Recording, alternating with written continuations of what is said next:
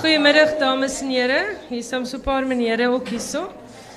Um Fourie van Penguin het gevra ons moet ons ek moet myself voorstel en vir Pat voorstel. Nou Pat het min bekendstelling nodig. Ek dink almal ken en volg Pat Stamatelos se skryfwerk van die eerste boek af van Cruise af. Ek dink ons was almal betower met Cruise. En ons het verskeie aspekte van haar leer ken deur haar boeke. Ons het die ligter humoristiese kant nou in my groot vet Griekse egskeiding. En boeke soos Cruise en As die Dice val het geweldige groot bydrae tot die Afrikaanse letterkunde gelewer in my opinie. Dit is stukke geskiedenis wat ons op 'n persoonlike manier beleef het uit uit pers met 'n persoonlike hoek wat ons andersins dalk nie eers twee maal oor sou gedink het nie. So Pat, dis voorreg om weer met jou te gesels. Baie dankie Ilse. Pat Stamatelos. Ek is Ek is Ilse Saltzwedel. Ehm um, ja, ek doen skrywers en boeke op uh, RSG onder meer en dis net vir my altyd baie lekker om met skrywers te praat en agter te kom wat laat hulle tik en wat laat hulle skryf. So dis waar hoekom ons vandag hier is. Pat, kom ons begin by die begin. Jy het Cruise gepubliseer hier naby aan jou 60s as ek reg onthou. Maar Cruise het 'n baie langer aanloop gehad. Vertel vir ons die verhaal van Cruise. Weet jy, Cruise was baie jare gelede geskryf. Ek dink ek was hier my middel 30, einde 30er jare gewees. Die hele ding agter Cruise was om my ma se dood te verwerk. Ek kon nie oor my ma se dood kom selfs in my 30er jare nie. jy weet my ma dood is, toe was ek maar 8 jaar oud gewees. Daai jare was dit nie jare van sielkundiges geweet nie. Mense het nie gewees nie. Mense het nie voor die kind gepraat oor die dood nie. Ehm ek het later aan vreeslik gehakkel ook as as gevolg daarvan. Maar hier in my 30e jaar het ek besluit, miskien moet ek my eie sielkundige speel en begin skryf daaroor. En ek het toe die ou Olivetti gevat en papier ingesit en ek het toe reg aan die begin begin waar my pa inkom en vir my sê dat dat my ma dood is.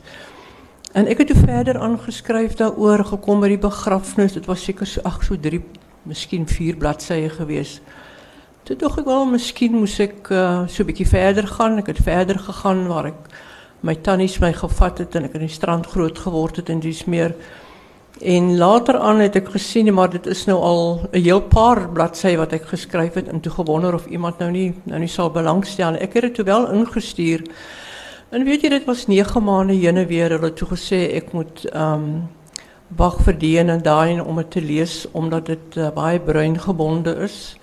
En hier na 9 maande toe besluit hulle nee, hulle sal dit maar liewers nie, liewers nie uitgee nie. En ek het dit toe gebeere en ek het dit gebeere vir 20 jaar. En toe uitgehaal en so 'n bietjie afgestof. Ek het besef daar is baie ek dink daar was baie woede in in Kroes gewees oorspronklik en ek het van die woede uitgehaal en dit gesit op die rekenaar en ingestuur en toe het iemand by Taalverberg dit gevat, Nelleke het dit gevat. Sy het toe gesê sy gaan oor na Kwela toe, kan sy dit saamneem? Ek het gesê sy kan. En Kwela het dit toe gepubliseer, maar ja, dit was dit was 'n lang lang aanloop geweest. Ons meer as 20 jaar se gewag plus nog 9 maande wat ek moes wat die boekie weer gegaan het. Lang geboorte, pynlik. Ja.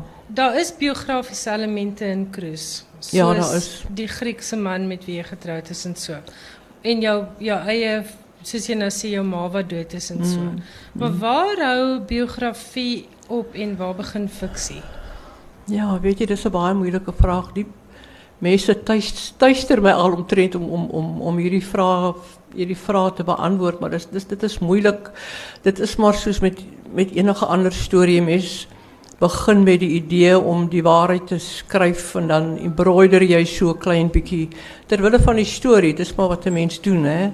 En maar die karakters wat daarin was is is tog karakters wat bestaan het, maar ek het miskien vir hulle ander name gegee of miskien die regte naam of hulle op 'n ander plek geplaas en dis meer. Dit is moeilik om te sê waar dit begin en en en waar dit eindig. Ehm um, die Griek in daardie boek was ook nou nie die Griek wat ek getroud nie, jy weet die Griek is dood aan die einde. Ehm um, Ja, my gewese man het destyds 'n vriendin het, het gebel om met my te praat. Toe antwoord hy, ek was toe nie in, in die huis nie. Hy het in die woonstel gebly. Ek het in die huis gebly. Wat hy in die huis gemaak het, weet ek nie, maar hy het my foon geantwoord. Toe sê sy vir hom, "O, sy sien dat Pat het nou 'n boek geskryf het." Toe sê hy, "Yes, and you see what she calls me? I'm the Greek god." Toe sê sy vir hom, "But it can't be you because the Greek god dies at the end." Nou nie geweet het nie. So groot teleurstelling daar gewees, ja. Maar dit is moeilik om te sê, weet jy, waar dit begin en en waar dit en waar dit eindig. Was maar baie geëmbroider en aangelas en afgetrek en ja. Ik weet niet of het opzettelijk was, nie, maar ik wou met jou onderhoud gedoen het in die tijd van cruise en als je daar val en jouw publiciteitsmensen het jou vreselijk beschermen. En ik denk dat het zo half bijgedragen tot hierdie illusie dat dit eintlik volledig jouw story is. Dat dit baie meer biografisch is als fictief. Maar ek het haar intussen leer ken, sy's baie jolly. Sy's glad nie so um ernstig soos wat mense in die boeke sou gedink het nie. Kom um die tweede boek, het jy die sukses verwag? Het jy verwag ons gaan so meegevoer word deur Patty se lewe? Die eerste boek, die tweede boek, die twee saam? Oh, oh, die twee saam. Nee, weet jy, dit was vir my was net dit was net 'n storie wat ek vertel het. Dit was uit en uit 'n storie van my eie genesing geweest. Het ek het nooit kon dink dat die boek eers sou gepubliseer word en never mind dat dit so so suksesvol sou wees. So dit was 'n groot verrassing geweest. Ehm um, toe dit nou klaar is, toe het ek sommer dadelik begin met die met die opvolg daarvan. Dit was ook ook baie suksesvol geweest. Ek dink mense was maar net nuuskierig om te sien wat het van Patty geword en ja. Maar dit was 'n verrassing, absoluut. En het dit vir jou genesing gebring? Weet jy ja, ek ek dink so regtig waar met my ma absoluut. Um, 'n mens word ouer en jy besef die dinge gebeur en jy word wyser en jy slaan jou Bybel na en en en, en dis meer. Ek het ja, vir my ma se dood het ek genesing genesing gekry. Vir die vir die egskeiding, weet jy, dit vat tyd. 'n Mens kom daaroor en jy het kinders en later aan word jy vriende. Ek ben ons ons gesels nou nog met mekaar. Dis nie asof ons uh hy sies tog die arme man. Ek dryf altyd die spot met hom, maar ons ons gesels nog met mekaar, jy weet so ja. So hy is ook nie die Griek in die boek nie. Want die ene kom nooit by die egskeidingshof eers uit nie. Nee, weet jy, hy's nie die Griek in die boek nie, maar die sy manier van praat het ek tog so 'n bietjie bietjie daar ingeskryf nageap. Ek meen ek ken mos nou hoe die hoe die Grieke praat, ja. Daai hardkoppigheid, absoluut, ja. Kom ek lees hmm, Kom ek lees gou-gou vir julle. Ons gaan nou 'n bietjie oor hierdie boek praat. Maar nou ek wou nou eintlik eers dit bietjie later gelees het, maar Pat ontstig mens vreeslik. Sy sê ek vra altyd as ek sê laaste vraag, dan moet julle glo bly sit want dan ek daarna glo nog 5. So ek gaan nou vandag bietjie rondspring in die volgorde. Hierdie gaan oor Polly, Pollyanna en haar man Archie en dit speel af in 'n boekwinkel wat dit onmiddellik natuurlik baie lekkerder maak vir ons wat lesers is.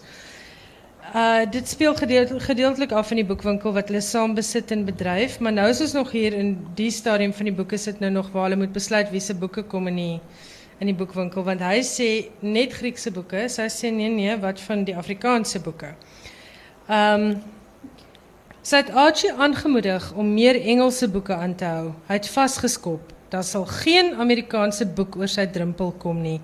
Sy driftige weiering het alles te doen gehad met Turkye wat Cyprus in 1975 binnegeval het terwyl Amerika toegekyk het sonder om hulp te verleen.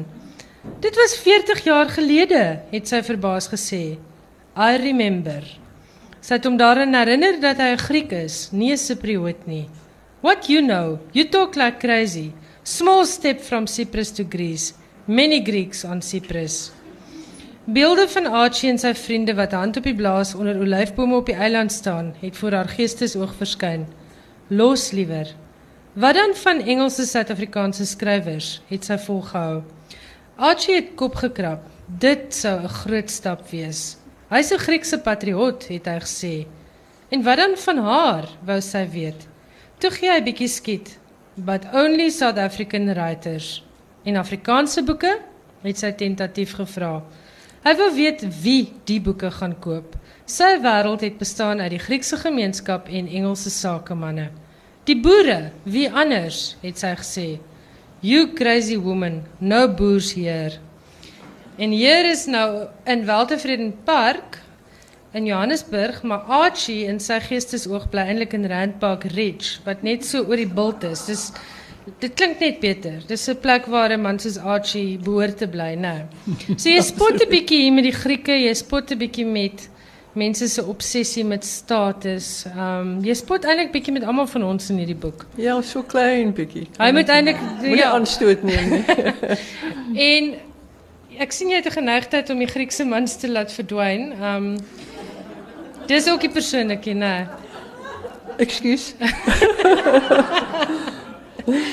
Goed, na na die jou eerste twee boeke het jou toon van jou boeke baie ligter geraak. Dit was daar was daar 'n Madeliefies van staal en vier begrafnisse mm. en 'n troue. Ek is altyd bang ek kry dit verkeerd en dan hierdie ene en dan was daar twee ernstiger boeke, Die Portier mm. en dan Pastoor wat mm. regtig baie ernstig was. Mm. Vind jy dit moeilik om so te wissel tussen die verskillende genres en want dit is eintlik almal genres binne 'n groter genre. Vind jy dit moeilik? Weet jy nie eintlik nie. Ek dink in my hart is ek eintlik 'n um, 'n baie ernstige mens. Maar weet jy ek, ek kan nie so deur die lewe gaan nie, hè. Is ehm um, kan nie deur die lewe gaan met 'n met somber nie. Ehm um, mens moet lag, dan moet 'n ligte kant van die lewe wees. En ek dink om om iets te skryf wat swaar is, ehm um, selfs Kroes en Paul van die Duits was ook maar was nie ligte boeke vir my gewees nie. Ehm die portier bietjie meer lig pastoor was baie swaar, baie emosionele boek vir my gewees om te skryf. Ehm maar tog nie moeilik nie. Ek dink ek dink dit dit is eintlik moeiliker om iets snaaks te skryf. Tensy jy jouself so inlewe. Weet jy, ek het my verskriklik ingelewe in die vier begrafnisse en 'n troue. Ek het dit so geniet. Ek het dit in Engels geskryf. En weet jy, ek het gegaan 'n soort helpful letter. Dit was heerlik. Ek het heerlik geskryf. Die Engelse weergawe ingestuur. Toe sê hulle nee, wat kom ons probeer dit maar liewer in Afrikaans nou ja. Wat het hulle nou weer Engels genoem? Hulle het gesê my Engels is te is te bonker. Bonker, bonkerig of wat ook al ja. Dat ons het maar liewer in Afrikaans Want probeer. Sy het vir die wêreldmark gegaan met um ja, met daai Engelse boek. Groot teleurstelling. Bridget Jones tipe van sukses en en toe bars die Afrikaanse of die Engelse uitgewers al babbel heeltemal. Wat ek van Pat hou, sy kan lekker met haarself spot en 'n mens kom dit ook in jou werk agter en jy het 'n lekker sin vir humor. Waar kom dit vandaan? Want jy's aan die ander kant ook diep gelowig en jy is nogal jy kan nogal ernstig wees. Ja. Weet jy, ek dink maar ek dink ek het dit geërf van my pa. My pa was so groot tergees, hy het 'n baie goeie sin van humor uh sin vir humor gehad. Um, ek sien dit in my seuns vernaamlik maar toch van mijn dochters ook. Maar het is goed om een, om een zin voor humor te hebben, je weet. Ja. Maar een oor, oorgeërfde ding, dat is niet iets wat ik uitgedink het op. Wat ook al, nee. En je was nou, ik denk 30 plus jaar met jouw Griek getrouwd. En jy het julle kinders Grieks groot gemaak. Jy's baie optimisties. Ons was net 20 jaar getroud. ek wou jou goed laat klink het, Pat. Ag, dankie. Soos 'n boervrou wat kaalvoet oor die Drakensberge gaan. Daar. Maar jy het ten spyte van want ek ek ken Grieke, ek het vir Grieke gewerk. Hulle is soort van daar's nie 'n beter woord as all consuming nie. Ek dink hulle verwag van jou om hulle kultuur aan te neem en alles. En tog het jy Afrikaans gebly, Afrikaans so so goed Afrikaans gebly dat jy regtig goed skryf in Afrikaans. Hoe moeilik was dit om daai kontak met jou taal te bou? Weet jy, dit was nie dit was nie moeilik nie. Ek het Afrikaans met die kinders gepraat, um, maar ik moest, ik moest oorgaan naar die, mijn kerkloos, ik moest oorgaan naar die Griekse kerk. Um, ik was een goede Griekse vrouw, rechtig waar. Ik heb die Griekse kosten gemaakt. Ik heb die kerk gegaan waar ik moest gaan. Eén keer per jaar is het die groot... Uh, die die Paasnaweek, die Griekse Paas is 'n groot groot ding. Al wat te Griek is, maar hulle gaan soontoe om mekaar te sien. Dis waar hulle mekaar een keer per jaar sien by die kerk, dan praat hulle besigheid en wat hy wil. Jy weet, dit is nou nie vir ander redes nie. Maar ek het gegaan, jy gaan in die Vrydag aand, die Saterdagoggend die kinders kerk toe gevat, Saterdag aand, jy weet, die eiers moet jy kleur, rooi kleur en, en ek het die hele toetie gedoen. En toen mijn kinders klein was, het, wou je ook glad niet gehad het, ik moet Afrikaans praat met hulle nie. Ek het kon toe al 'n klein bietjie Grieks praat, maar ook nie ook nie vlot nie nou. Vir 'n ma om 'n ander taal behalwe eie taal te praat, ek meen dit is dit is omtrent uh, onmoontlik, jy weet. Maar ek het my eie taal behou. Ek het toe later met die kinders gepraat, die kinders in in Afrikaanse skole gesit en mense lees maar alhoewel ek moet vir jou sê ek het meestal Engelse boeke gelees, hoor. Ek het bitter min Afrikaans. Maar ek dink ek dink is daai liefde, die liefde vir jou taal. En ek moet vir jou dit bysê wat ek miskien nou nie ander kere genoem het nie. Ek het 'n suster wat vreeslik patrioties is, vreeslik patrioties. Vreeslik vir die Afrikaans en moenie eers met haar praat oor die oor die oor die boere aangeoorlog of wat ook al is ek kan vir jou baie dinge sê daaroor. En ek dink miskien so ietsie van haar het het het aan my afgesmeer ook die liefde vir die taal. Maar ja, het was niet te moeilijk om, het, om, het, uh, om mijn taal en mijn liefde voor mijn taal te bouwen. Nee, rechtig. Het is niet iets wat de mens makkelijk kan verloren. Ik geloof het niet. Nou, kom ons bij mijn groot Griekse echtscheiding. Kom ons begin bij die titel. Wie die titel gekies? Ah, weet je, die titel, daar is een story aan. Want ik het met die vier begrafenissen en het trouwen het ek dit mos nou in Engels geskrywe en toe ek dit genoem All My Funerals. Ek dink ek het begin by die titel as jy my vra. Ek dink dit was dit was 'n wonderlike titel van die vrou wat so, nou al die... did that work out for you? no, it didn't work out at all. Wag nou, man. In elk geval toe ek nou All My Funerals en toe All My Funerals het nou nie uitgewerk nie. Toe sê my uitgewer vir my Hoekom noem ons dit nou nie die vier begrafnisse en 'n trou nie? Want daar is nou as jy die hond bytel, né? Is daar nou vier begrafnisse en daar was toe nou 'n troue geweest. En ek het gedog dis skreeu snaaks, jy weet, sê okay, dit, is oral. Maar nou die snaakste ding daar agter is, is so baie mense het nie baie maar daar is mense wat gesê het nee hier en daar klink dit vir hulle bietjie geforseer so asof ek nou word by jou by die by die fliek met die titel My Four Weddings and a Funeral. Hmm. En die snaakste ding is ek meen die die titel was nie was eers klaar geskrywe en toe was die titel gekies. Dit was nou nie was nou nie andersom gewees nie.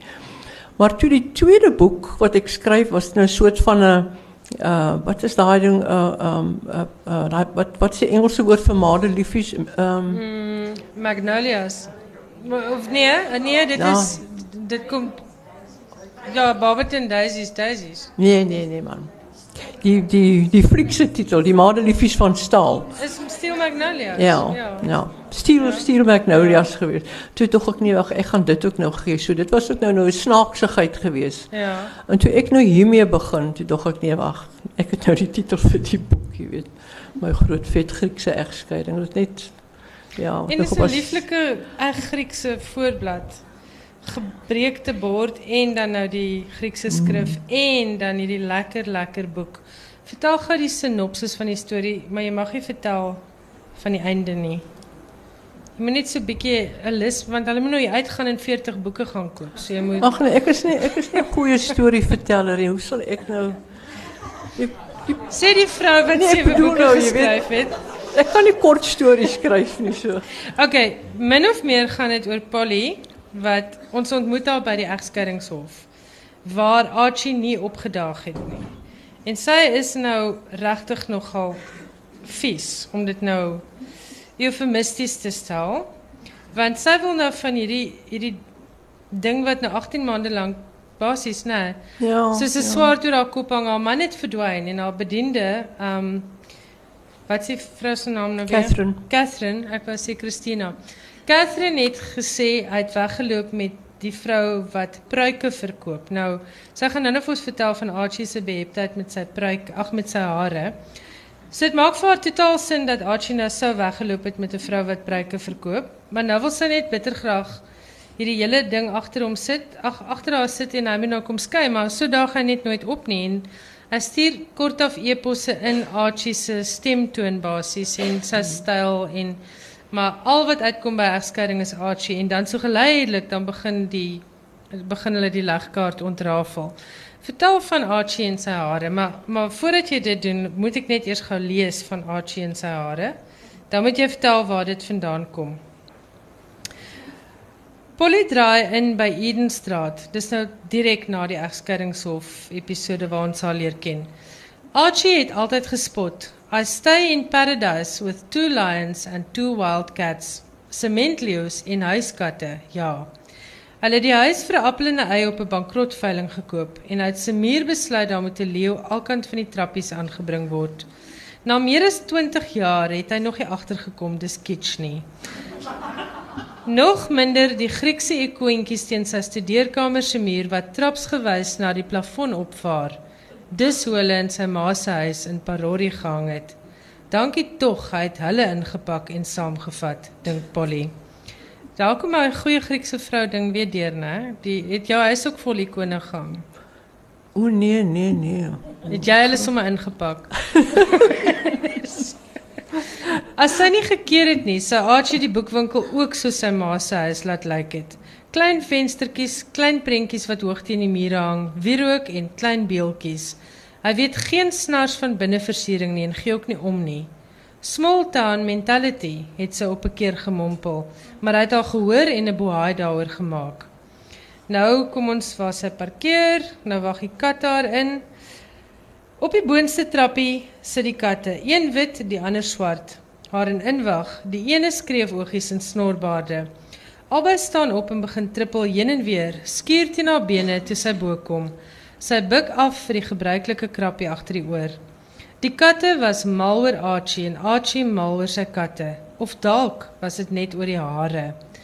Nietemin, dis nog iets waaroor sy hom verkwalik, dat hy sy geliefde katte so maklik kon agterlaat. Sy het hulle sommer Monty en Python genoem tot sy ergernis.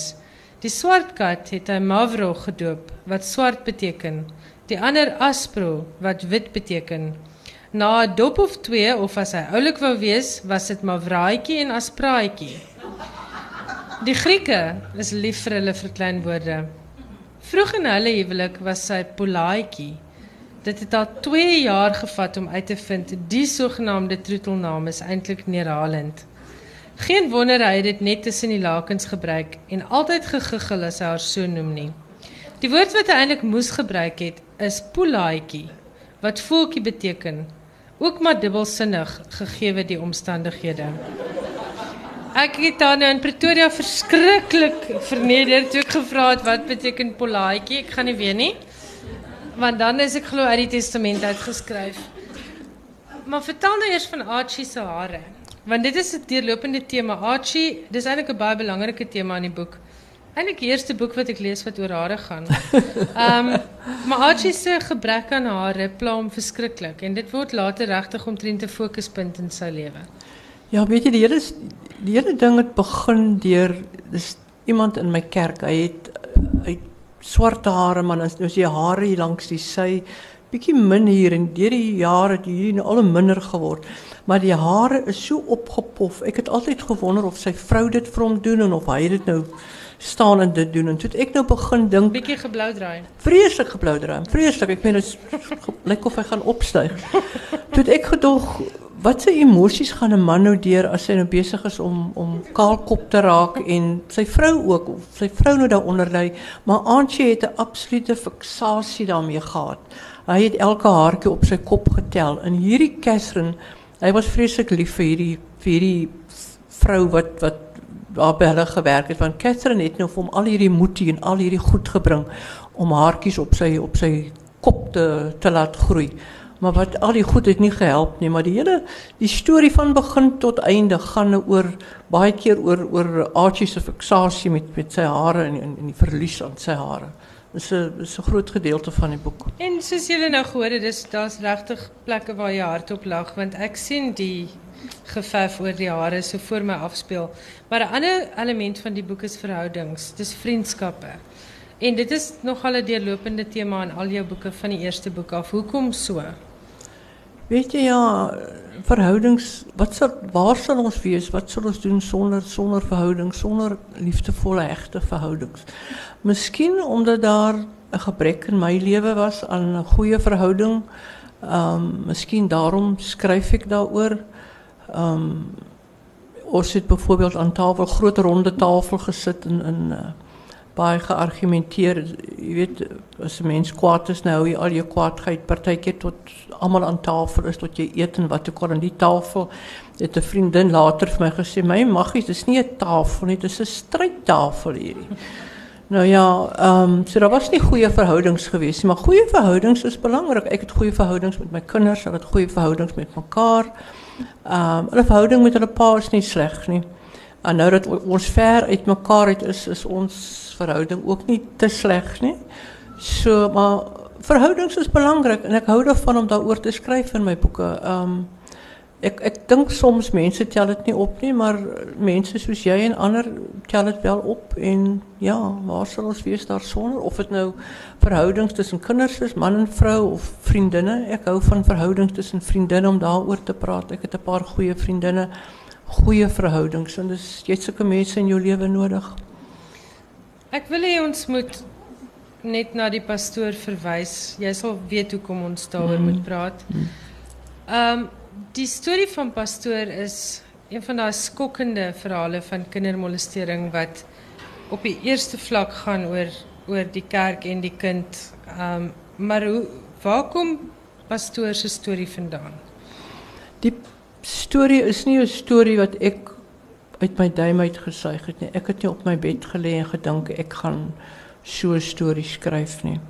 Dis 'n vrou wat ek ontmoet het, vlugtig ontmoet het, ehm um, jare en ek het haar gesien ek in 'n hospitaal gewerk by die ontvangs in die skakelbord en waar gesien as sy kom om iemand te kom besoek en dis meer in ek het vroeg aftrede geneem die Mei maand en die Junie maand kry sy vir my in 'n uh in winkel en sy sê vir my onthou jy my? Toe sê ek ja, ek die gesig, ek kon haar naam nie onthou nie. Sy my wie sy is. Toe sê sy, weet jy, ek wil baie graag 'n storie skryf. Ehm, um, maar ek kan nie jy skryf nie. Ek wil hê jy moet my help. En toe het sy na my huis toe gekom en toe sê nou daar sit. Toe sê sy vir my eintlik kan ek nou glad nie skryf nie. Ek wil hê jy moet die storie skryf.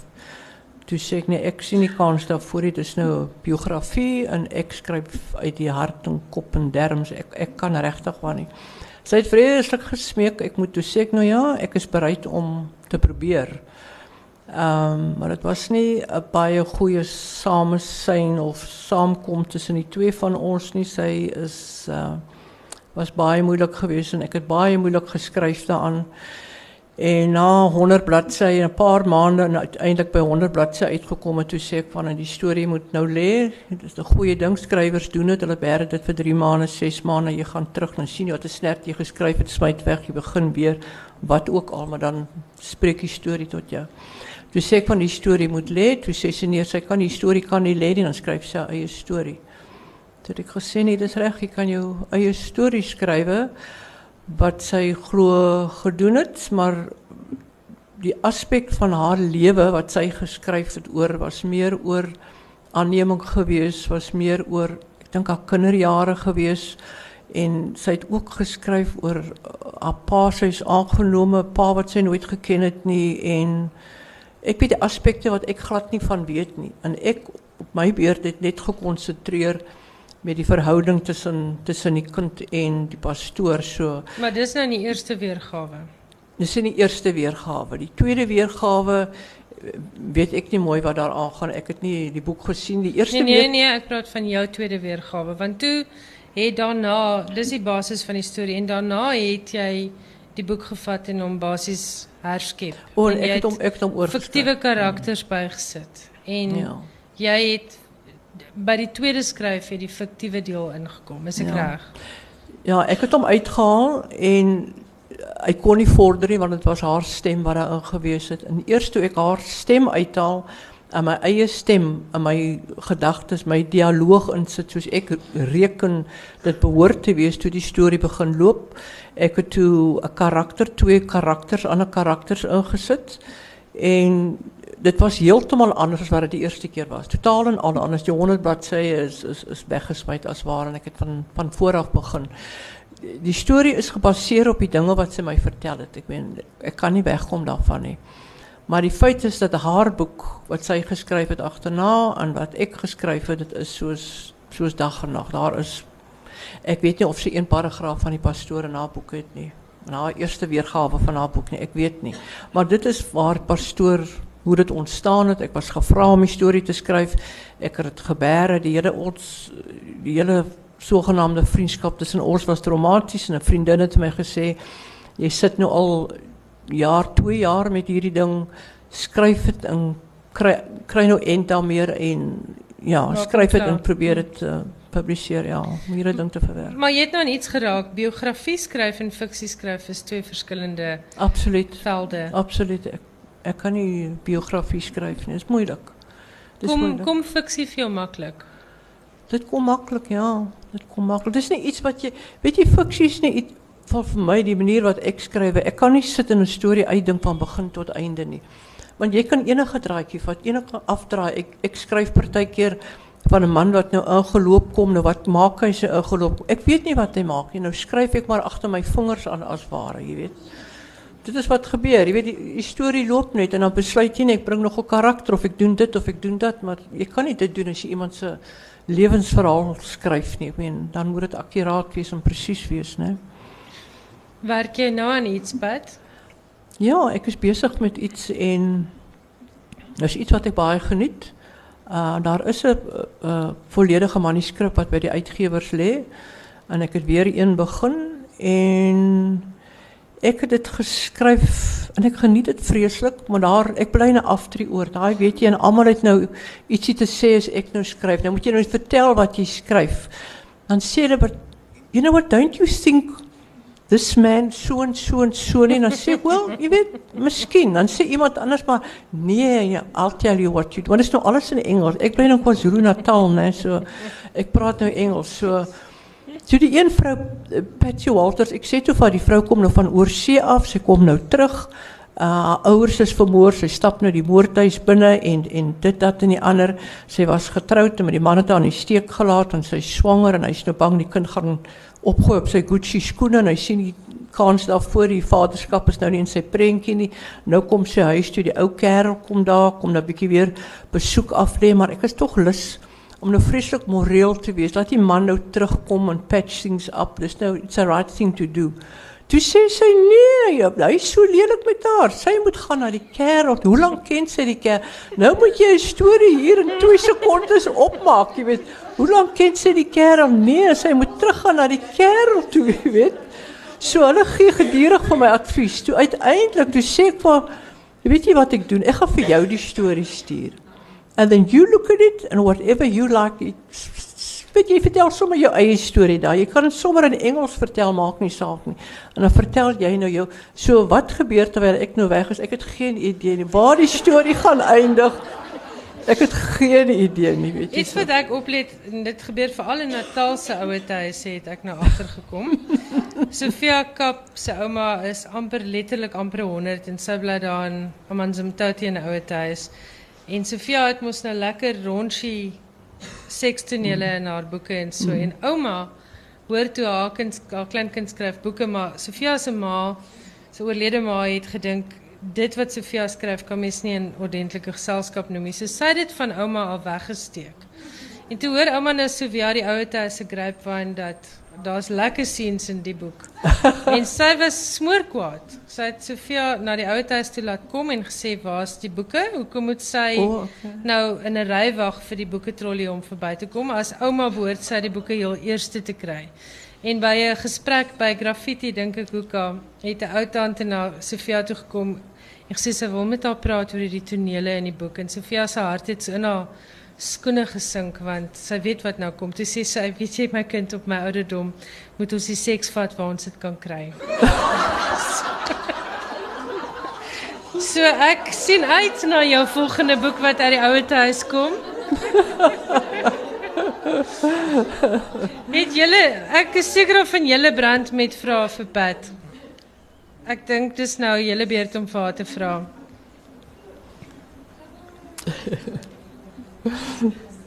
Het niemand haar boeke gelees nie? Okay, julle gaan nou almal al sewe moet gaan koop. Dit is is dit is okay, hier's 'n vraag. Ek is vra maar ek's bietjie bang as ek my onkunde gaan blootstel maar nou ja. Jy's 'n goeie geselskap. Ons weet ook niks. Ja. Ek het die eerste boek gelees in Cruz net toe ek gedink jy's 'n brein skrywer. Dit was my so logies. Toe was ek later verbaas. en Ek weet nie miskien het ek dit verkeerd verstaan of iets.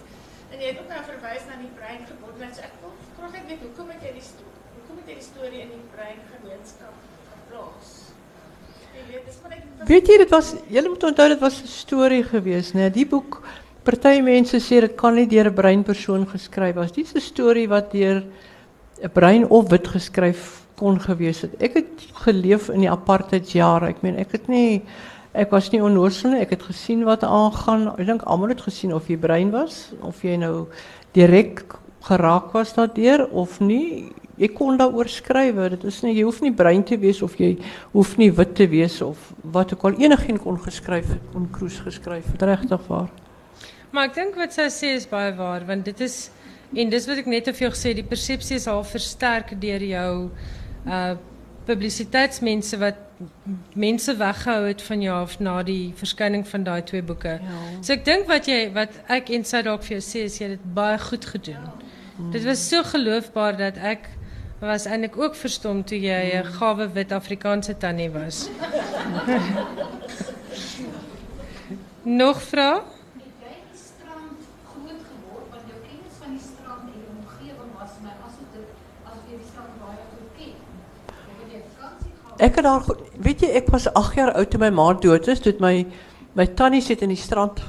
gebly. Die een was my peetma en die ander was ons twee ou jong nooiens gewees. Hulle het my weggevat van die huis af. My pa het my weggegee. Hy het gesê ek is die jongste van vier kinders. Ek moet liewer 'n bietjie wegkom en dan kan ek weer later terugkom en ek het toe nou nooit teruggekom nie. Dis ook nou maar hartseer vir my, maar die twee anties was was baie goed vir my. Ek het daar gebly. Ek dink van 8 jaar tot 20 jaar. Ek het daar ek het daar groot geword, ja. Toe ek op 20 is ek na Gauteng. My suster was daar. Sy sê toe kom hier, hier is baie werk. Ek het 21 geword in Gauteng, onthou ek. En die Griek daar ontmoet. Ai ja. Nog 'n rede hoekom jy die boek moet lees. Mens wil daarna net 'n Griekse resepteboek aanskaf en begin kook want daar ja, kos en kuier en boeke maak van die 'n heerlike lekker Shirley Valentine tipe verhaal. Sy is hier op die strand en daar speel die simfonie nie. Maar die res is daar. Nog vrae? Helene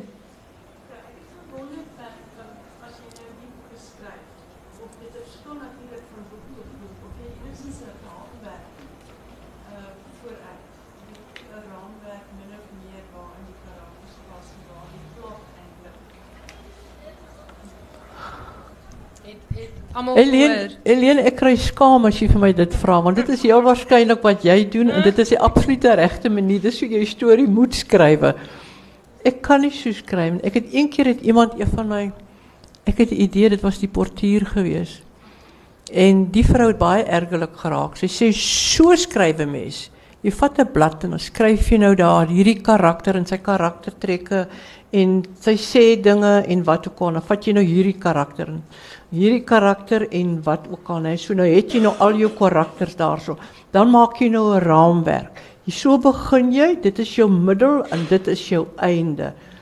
En ek kan nie, ek weet nie hoe nie. Ek is nie 'n skrywer, ek kan nie so skryf nie, regtig waar. Ek sit my vingers Ek ek sit my vingers op die setels en daar gaan ek. Ek ek hoe skryf jy? Skryf jy met 'n raamwerk? O nee, jy's skandalig, hè? ek gaan vir jou leer om te skryf, hoor. Ekskuus, Helene. Ek het 'n uh, gesprek bygewoon so 3 jaar terug. Jeffrey Deaver was die een skrywer en ek dink John Grisham en dan was daar 'n ander ou wie se naam ek vergeet het. Drie baie baie topverkoper Amerikaanse skrywers en Jeffrey Deaver werk 9 maande net aan die navorsing en die plotting van 'n verhaal en hy het vir ons gesê hy het 'n kantoor omtrent so groot soos 'n raadsaal vol wit borde. En op elke wit bord is daar 'n volledige autobiografie vir elke karakter. Of dit nou net die koerantverkoper op die hoek is, maar hy sal nou byvoorbeeld sê hy het blou oë, hy's blond, uh is van gemengde afkoms, het in 'n enkel ouer huis groot geword. Alles, elke enkele karakter is daar 9 maande lank en dan 3 maande lank skryf hy. En ek dink dit vat baie van die pret uit die uit die boek uit, want nou kan jy mm. glad nie hierdie vreemde stem in jou kop um binne nooi nie, want hy's Ja. nie in jou raamwerk Ja. nie. Ja. Die ander twee ouens het nie, o Mark Gimenez was die ander skrywer, hy het nie so geskryf nie. maar nou ja, Jeffrey Deaver het 26 miljoen kopieën in zijn leven verkoop. So Misschien is daar iets te sê vir sy manier van werk. Ek dink nie ek dink nie enige iemand kan 'n boek skryf sonder 'n mate van navorsing. Ek meen ek doen navorsing op al my boeke, maar ek doen nie in in die mate wat wat wat hy dit doen nie. Daar is dinge wat jy moet weet wat jy nie weet nie.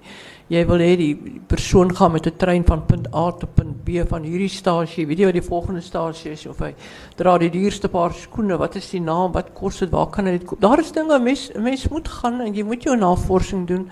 Maar of je daarom nou negen maanden gaan vat met die navorsing, takes the fun out of writing. Die skryf moet daarom, dit moet bietjie pret wees, want as dit want om negen maanden se navorsing te doen, ek kan nie dink dat daar dat daar veel pret daaraan is nie. Mm. Skryfwerk moet en daarom lekker lekker werk wees. basies 'n 8 tot 5 werk en ek dink de helfte van die charme mos van skryfwerk is dat ons glad niks werk nie. Ja. Ons sit mos net agter die rekenaar en dink tot ons bloei, maar ons werk nie regtig nie, né? Ja. Hoe werk jou skryfroetine? Skryf jy as jy nou 'n idee het 6 weke lank boek of pas jy dit maar so tussen jou lewe in? Jy weet ek sit ek sit omtrent ek sit ure agter die die rekenaar, maar ek skryf nie altyd. Dit is jy lees. Ek weet ek behoort nie dit te doen nie. Dis ook nie hoe ander mense seker dit doen nie. Party mense sê nee, moenie teruggaan en lees nie. Skryf net. Skryf, skryf, skryf tot aan die einde en dan vat jy hom nou maar ek kan nie ek verstaan nie hoe jy 'n middel kan skryf as jou einde nie 100% reg is nie. My my einde, ag my begin moet 100% reg wees voordat ek kan aangaan. So as ek nou vandag begin het en ek het nou sê 4 bladsye geskryf, môre lees ek die 4 dan hier later dan trek ek hier by bladsy 60. Dan lees ek die 60 bladsye. En ek, elke slag is daar 'n sin wat ek bylas of aftrek of 'n ding wat ek verander of 'n karakter. Elke slag is daar iets wat nie reg is nie.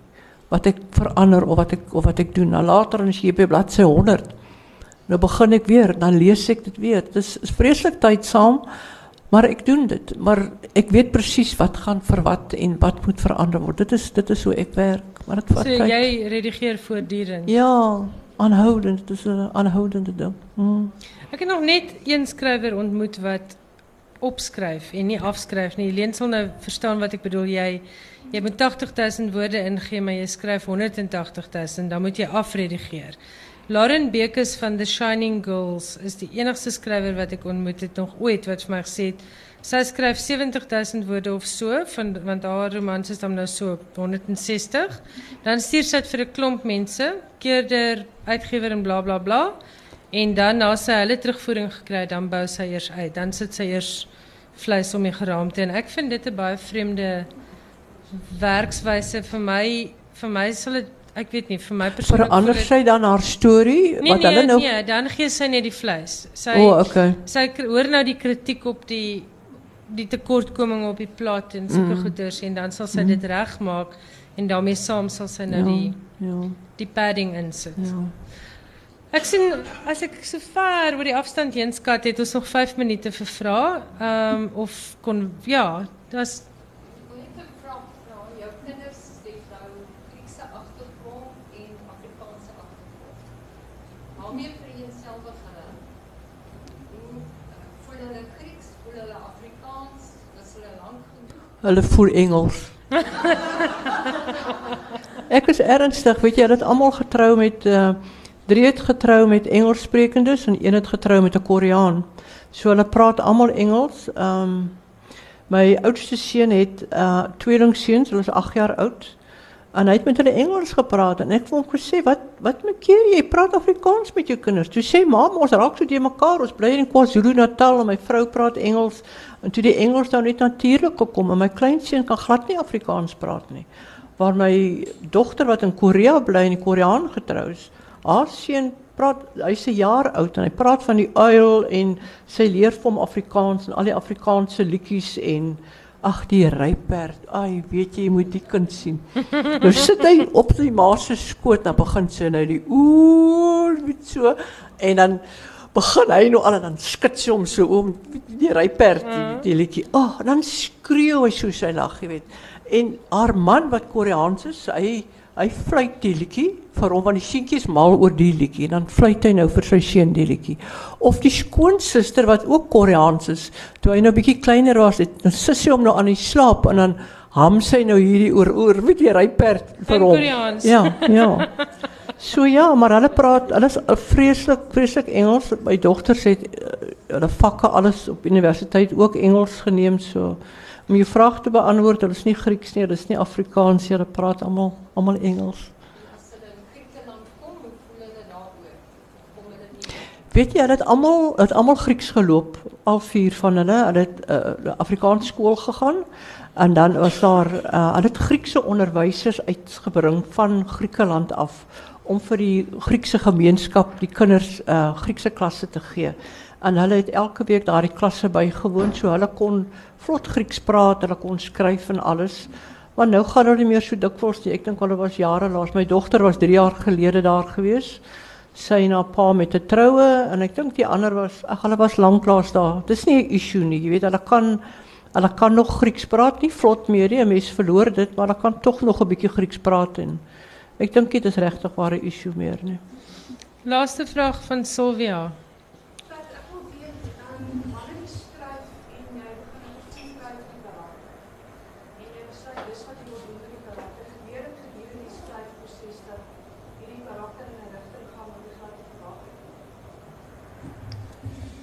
Ehm ja, nogal.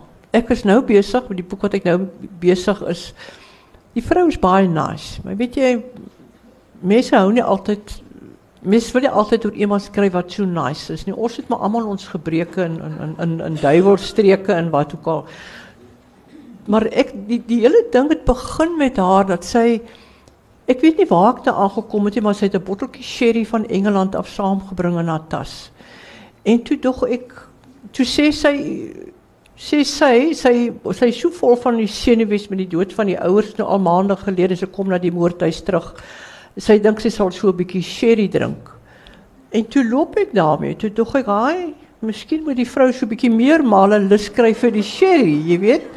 En ek het toe en die rede wat sy kon nie verstaan hoekom die kerel nooit vir haar gevra het om met haar uh om met om met hom te trou nie.